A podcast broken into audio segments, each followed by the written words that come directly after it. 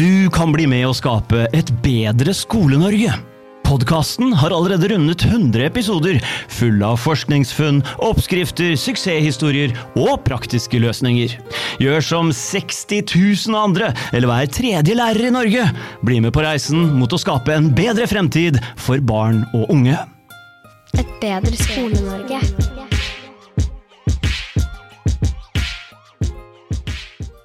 Et bedre Skole-Norge. Velkommen til Et bedre Skole-Norge. I denne episoden så skal vi feire at vi har passert 100 episoder av podkasten Et bedre Skole-Norge med meg, Øyvind Børven, som podkastvert. Vi har etablert oss som en av Norges største skolepodcaster, og det er med glede og ydmykhet, men også stolthet, at jeg må si at vi har klart å oppnå mer enn 100 000 gjennomlytninger og over 60 000 unike lyttere, noe som kan tilsvare at hver tredje lærer har hørt podkasten vår. Initiativet har fanga oppmerksomheten til utdanningssektoren. Gjennom et engasjerende innhold og inspirerende historier har vi fått tilbakemeldinger fra sektoren om at vi inspirerer til håp, og også oppmuntrer til kollektiv handling for en enda bedre skolehverdag for barn og unge i hele landet. Ok, jeg drar på ganske hardt i introen, men eh, jeg tror at eh, vi bare må fortelle det sjæl, for ingen kommer til å gjøre det for oss. Vi har hatt over 100 episoder, og jeg vil begynne med å takke alle gjestene våre som har vært med. Vi har hatt en hel mengde utrolig oppegående gjester, og det har vært eh, en ære å ha dem på besøk. Vi har hatt verdensledende eksperter på utdanning, vi har hatt elever, skoleforskere, politikere, til og med en kunnskapsminister.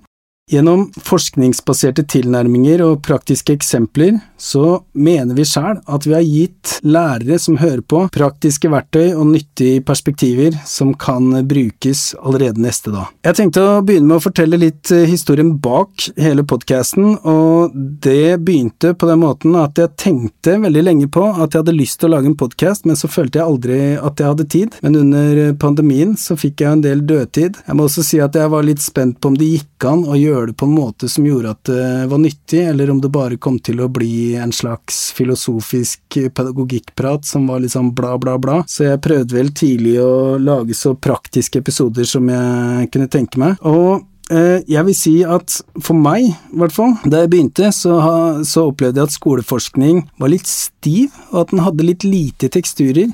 Så jeg kan huske at jeg tok, eh, jeg tok sånn rektorutdanning på BI, og da spurte jeg Anders Dysvik, om, eh, en professor der, om noen praktiske eksempler, og akkurat da hadde han ikke svar på det jeg lurte på. Men han sa at du kan jo bare høre med Per, altså Per Solli, han er en rektor som har gode resultater. Så var det sånn, ja, men jeg kan jo ikke bare ringe Per, da må jeg i så fall ha et påskudd. Så, så det var en av tinga som inspirerte meg til å starte podkasten, at da får man jo et eh, legitimt påskudd til å ringe eller sende e-post til hvem som helst. Og mm, så var det sånn at jeg prøvde vel å skyve hele det podkast-greiene her litt fra meg, for jeg tenkte det kom til å bli mye jobb. Så jeg ønska vel egentlig ikke å forplikte meg til det, for da visste jeg jo at man må levere konsistent over lang tid, og det visste jeg ikke helt om jeg var klar for. Men eh, så var det sånn at jeg hadde så mye dødtid under pandemien, så da tenkte jeg nå hopper jeg i det. Og så begynte jeg i hvert fall å sende noen e-poster rundt, og så fikk jeg ganske fort bekrefta avtale med både Per Solli og Thomas Nordahl, og Guri Melby blei med i første episoden. Der ble også Simon Malkenes med, og altså nevnte Thomas Nordahl blei med allerede i den første episoden. Det gjaldt også Øystein Gilje fra Fix. Så det her var jo akkurat rundt uh, de store Facebook-gruppene, altså koronadugnaden og sånn, så der var jo stort sett alle lærerne i hele Norge. Så da kunne jeg jo bare begynne å slippe episoder eh, ut der. Så det var eh, Jeg var nok heldig med timinga òg, skal være såpass eh, ydmyk. Det jeg begynte med, var å lage en hel rekke episoder om, om temaer jeg var oppriktig nysgjerrig på, og da var det sånn at særlig vurdering og elevmedvirkning, det traff, vil jeg si. I løpet av relativt kort tid så gikk lyttertallet fra 30 per uke per episode til langt over 1000. Og etter det så har det vært eh, veldig spennende å følge med. Eh, en av inspirasjonskildene mine til eh, å holde på med det her, er annet Michael Fullen og Andy Hargrace. De mener jo det at skolen, som den er eh, nå, ikke er nyttig for elevene verken her og nå eller for framtida. De mener jo at vi må endre skolen, eh, hvordan skolen eh, er designa og hva den egentlig holder på med. Så det er ganske, ganske ekstreme tanker for mange, tipper jeg. Men det de, det de, også gjør, altså deres, deres, kontekst er på mange måter Canada og USA, og i USA vet vi at 25% av elevene er enten passive eller aktivt forstyrrer undervisninga. Så, så, der må jo helt klart noe gjøres med skolesystemet. Men det de, det de hele tida gjør, det er at de driver på og forsker på praksis, ser hva som funker bra. De eh, deler funna med praksisfeltet, sånn at det kan spre seg. Så forsker de på hva som skjer med det når de funna blir satt i, satt i bruk. Og så, de, og så, deler de forskninga igjen, og så er det et eh, slags eh, levende laboratorium som hele tida det blir rapportert fra, da. Det syns jeg er utrolig inspirerende, og på mange måter prøver jeg å gjøre det samme, bare i veldig enkel skala med podkast og sånn, at man hører om hvilke gode eksempler som, eh, som finnes, og så deler man det. Jeg vil si at um, noe som jeg ikke så før jeg starta podkasten, det var at jeg kom til å skrive bok, og noe som skjedde uten at jeg egentlig mente det, det var at uh, det var at podkasten blei et slags sted jeg holdt på med research, en slags, man kan vel kalle det et slags eksperimentelt uh, design, hvor jeg bare fulgte det jeg lurte på. Og det som skjedde, var at jeg bare fikk så mye informasjon at jeg endte opp med å skrive en bok som heter Hvordan skape en god skole. Det hadde jo litt sammenheng med at skolen vår eh, det året, høsten 2021, toppa, eller var helt i toppen på elevundersøkelsen på landsbasis på studieforberedende. Sånn at eh, det var jo veldig mye jeg hadde lært av å holde på med podkasten, som jeg kunne omsette til praksis. Da var det sånn at jeg skrev en bok 'Hvordan skape en god skole', og der eh, tok jeg med masse, masse fra podkasten. Podkasten har blitt en arena hvor det blir delt gode eksempler fra praksis, eh, forskning, erfaringer, men også et sted profesjon kan møtes og diskutere temaer. Det som er viktig for meg, er jo å være brukerorientert og ha målgruppa for øye. Altså, det er jo lærere med litt for dårlig tid, og skoleledere som helst skulle fiksa et eller annet i går, og nå trenger å vite åssen, så da hører jeg bare på en podkast.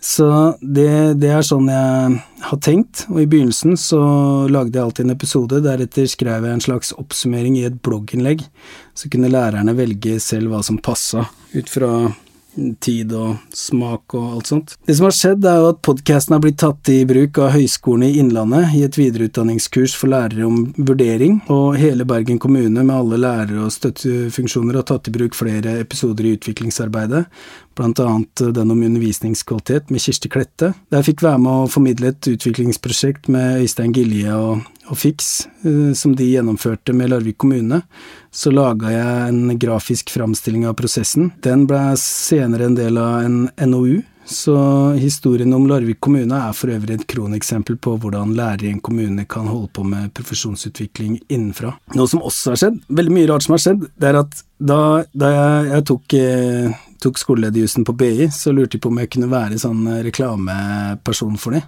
Og det er lett å få en ironisk distanse til det, men det er, egentlig, det er jo egentlig en ære å bli spurt om liksom eh, Spør du meg, en av de fremste utdanningsinstitusjonene vil at du skal stille opp. Så det måtte jeg jo bare takke ja til. Det var en ære, jeg gidder ikke engang å tulle med det. Uansett, jeg er glad for å bidra, og enda gladere for å høre at podkasten har funka som et bindeledd mellom skoler. Lærere fra en skole i Rygge har fortalt at de bruker egenstyrt utviklingssamtale etter å ha blitt inspirert av en episode med samme navn, hvor lærer fra Stangeland ungdomsskole på Karmøy fortalte om formen. Det funker visst bra for elevene. En jeg møtte på skolelederkonferansen på Lillestrøm, som han var fra Lofoten, han fortalte han hadde hørt en episode om elevmedvirkning som heter Verdens beste skole. Han fortalte at den episoden hadde inspirert de til å holde på med et utviklingsprosjekt sammen med elevene, men at de lagde sin egen vri.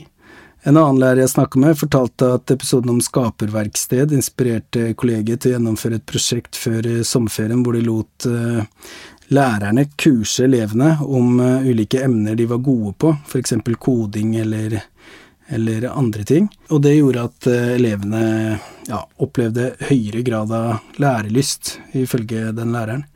Så det er jo det er veldig koselig. Eh, en ung skoleleder sendte meg e-post og fortalte meg at podkasten var oppløftende, og etter en tung periode med smittevernsregler og Visma-innføring, så fikk en, så vidt jeg skjønte, litt troa tilbake. Til og med Jan Egil Hagen, som er studieinspektør på Hellerud videregående skole, som jeg har stor respekt for, altså både det skolen får til og Hagen, har jo rost eh, podkasten i sosiale medier, så det er en skikkelig god attest for meg. Det er uh, mye mer jeg kunne sagt her, men det handler egentlig ikke om meg, det handler om at vi skal gjøre skolen bedre. Og det opplever jeg at skjer, gjennom de historiene jeg nevnte i stad, sånn at det er uh, så utrolig inspirerende å være en del av Jeg vil gå så langt som å si å være en del av en bevegelse som gjør at det blir bedre for elevene. Nå er det på tide å dele hva jeg har lært av 100 episoder, og det jeg kan begynne med å si, det er at norsk skole er er godt finansiert. Vi er det fjerde best finansierte systemet i verden,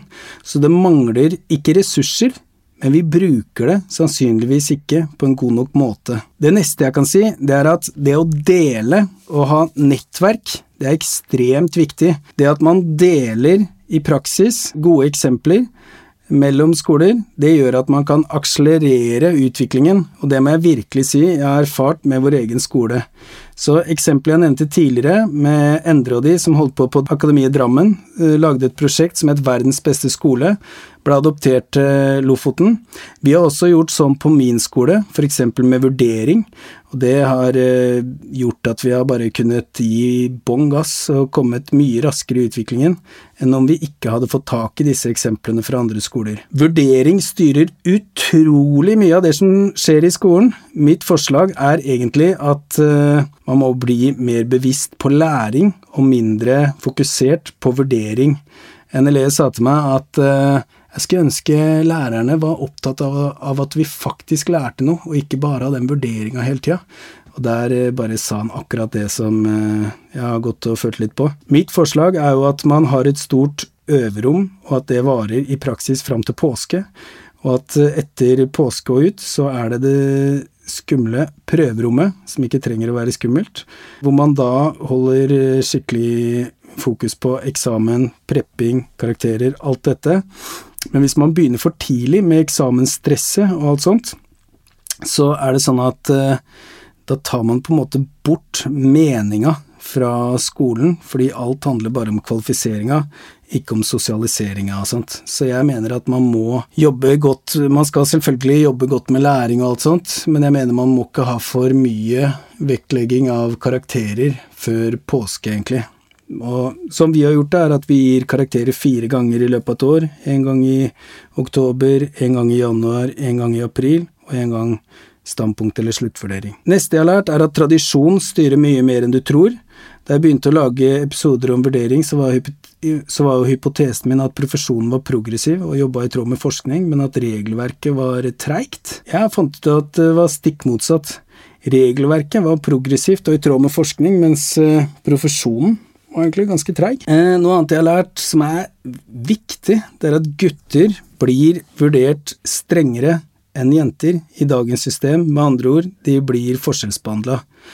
Opplegget vi har med 80% standpunktkarakterer og 20% eksamenskarakterer er ganske bra, og det gir utrolig høy tillit til lærerprofesjonen og stor autonomi til lærerne. Men en av de negative bieffektene er jo at gutters livlige oppførsel, eller åpenlyse kjedsomhet, blir straffet via trekk i karakter. Man blander sosiale ferdigheter inn, og her er det bare å høre episoden jeg har med Gustavsen tidligere, som uh, tar opp alt det her. Neste ting jeg har lært, er at politikere forsøker å bedre kvaliteten i skolen med kvantitative løsninger. For eksempel, for å få norske elever til å bli bedre i norsk eller matte, så tilfører de flere timer, og det vi ser, det er at det ikke funker. Et annet dyrt eksempel er at de har innført tolærersystem, og det kan funke bra, men man må gjøre det riktig. Så det er ekstremt viktig at hvis vi først går for sånne kvantitative løsninger, så må vi gjøre det på en god måte. Bare for å underbygge det, så kan vi jo si at barn og unge som går på skolen i dag, går to år ekstra sammenlignet med hva jeg gjorde, født i 1983. Og det er jo litt ille å tenke på at hvis du går to år ekstra på skole, så blir du ikke bedre enn eh, før til å lese og regne. Og i mitt hode så er det kanskje ikke så dumt med leksefri skole hvis man bare får kvaliteten på de timene som er på skolen til å bli skikkelig gode. Finske elever har eksempel færre timer på skolen enn norske elever, men fortsatt får de bedre resultater. Og dersom timene på skolen blir brukt godt, så tenker jeg at elevene kan lære det de skal. Noe som jeg har fått litt pepper for, er at de har støtta Oslo-skolen som var under Astrid Søgnen. Hun og resten av ledelsen prioriterte i sin tid grunnleggende ferdigheter, og var eh, kanskje særlig opptatt av at eh, innvandrere lærte seg språket godt for å bli ordentlig inkludert og for å forhindre utenforskap. Jeg tror jo oppriktig at det har vært en medvirkende faktor til at Oslo er en trygg by i dag, og at det er lite utenforskap. Og jeg tror at eh, det kan være et godt eksempel på at skolen kan være et verktøy for integrering, men også sosial utjevning. Men jeg tror det krever tydelig ledelse og ansvarlighet i alle ledd. For å se litt framover, så er jeg litt spent på å se på trendene som går. Jeg er spent på å se om tenkende klasserom eh, egentlig kommer til å gi gode resultater på sikt. Eh, og så er jeg også veldig spent på fellesskapende didaktikk, som vi skal ha masse seinere i sesongen. Det er veldig mye annet jeg kunne nevnt. Jeg tror også man må snakke en del om hvordan man håndterer utfordrende elevatferd framover, hvordan man gjør det på riktig måte. Det kan ikke være sånn at det lønner seg å komme med vold eller trusler mot læreren. Det må være sånn at eh, det er et system som gjør at eh, ting fungerer både for elever i hele klasser, men også for lærere, og at eh, også folk som har en utfordrende atferd, blir ivaretatt. Så det er viktige temaer som vi absolutt skal snakke om i denne sesongen. Det skjer utrolig mye bra i Skole-Norge. For eksempel så har vi en utrolig god yrkesfaglig utdanning og Det som er bra med den, det er at den er to pluss to. Det betyr at det er to år på skole og to år i lære. Og det gjør at bransjen setter standarden for hva de egentlig bør lære seg når de går på skole. Og det er ikke vanlig, og det gjør at vi får fagarbeidere som etter min oppfatning er i verdensklasse. Vi er altså helt rå i Norge på demokratiforståelse, så der er vi i verdenstoppen. Og videre så er norske lærere helt rå på det man kaller støttende klima. For å si det litt folkelig, så er norske lærere helt rå på relasjoner. For å sitere Kirsti Klette, så gjør norske lærere 70-80% riktig. Det man ofte sier er vel at vi stiller litt lave forventninger til kanskje de elevene som har mest å gå på. Sånn at eh, det er det å hele tida utfordre og la folk strekke seg enda lenger. Hvordan får vi egentlig til det? Det er mange ting vi kommer til å snakke om framover, og jeg gleder meg masse til det. Noe som jeg er oppriktig nysgjerrig på, det er hvor går alle penga vi bruker på skole, for det virker ikke som de kommer fram til klasserommet. Så hvor mye blir egentlig brukt på alle testsystemene, hvor mye blir egentlig brukt på byråkrater, osv., osv. Jeg vil mye heller se en eh, fullstendig oversikt over dette enn å høre masse rare valgkampløfter fra politikere. Og jeg skal ikke komme med politikerforakt, men, eh, men vi må Jeg tror vi skolefolk må forandre skolen innenfra. Jeg tror jeg bare sier det sånn at eh, her gjelder det å bare ta hånda på rattet og jobbe godt innenfra så takker jeg så mye for at du som lytter hører på og følger med. Bli med, gjør Skole-Norge bedre. Takk for at du er med. Eh, takk for at du gjør praktiske ting i klasserommet. Takk for at du tar deg av den ene eleven som kanskje ikke kommer seg helt inn i fellesskapet. Takk for at du utfordrer den eleven som eh, trenger enda mer utfordring enn de andre. Takk for at du bare fortsetter hele tida danning, utdanning, altså vi snakker kvalifisering, vi snakker sosialisering, og vi snakker subjektifisering, altså lær de elevene å følge normer og regler i klassen, men lær de også å tenke sjæl, og la de bli kvalifisert sånn at de får et best mulig vitnemål eller fagbrev, sånn at de kan eh, komme inn de dørene de vil. Og hvis ikke det er mulig rent uh, praktisk, så la de gå for lærekandidatordninga og bare gjøre det de kan der. Tusen takk. Bli med videre. Vi gjør oss klare for ny sesong. Du kan bli med å skape et bedre Skole-Norge. Podkasten har allerede rundet 100 episoder, fulle av forskningsfunn, oppskrifter, suksesshistorier og praktiske løsninger. Gjør som 60 000 andre, eller hver tredje lærer i Norge. Bli med på reisen mot å skape en bedre fremtid for barn og unge. Et bedre Skole-Norge.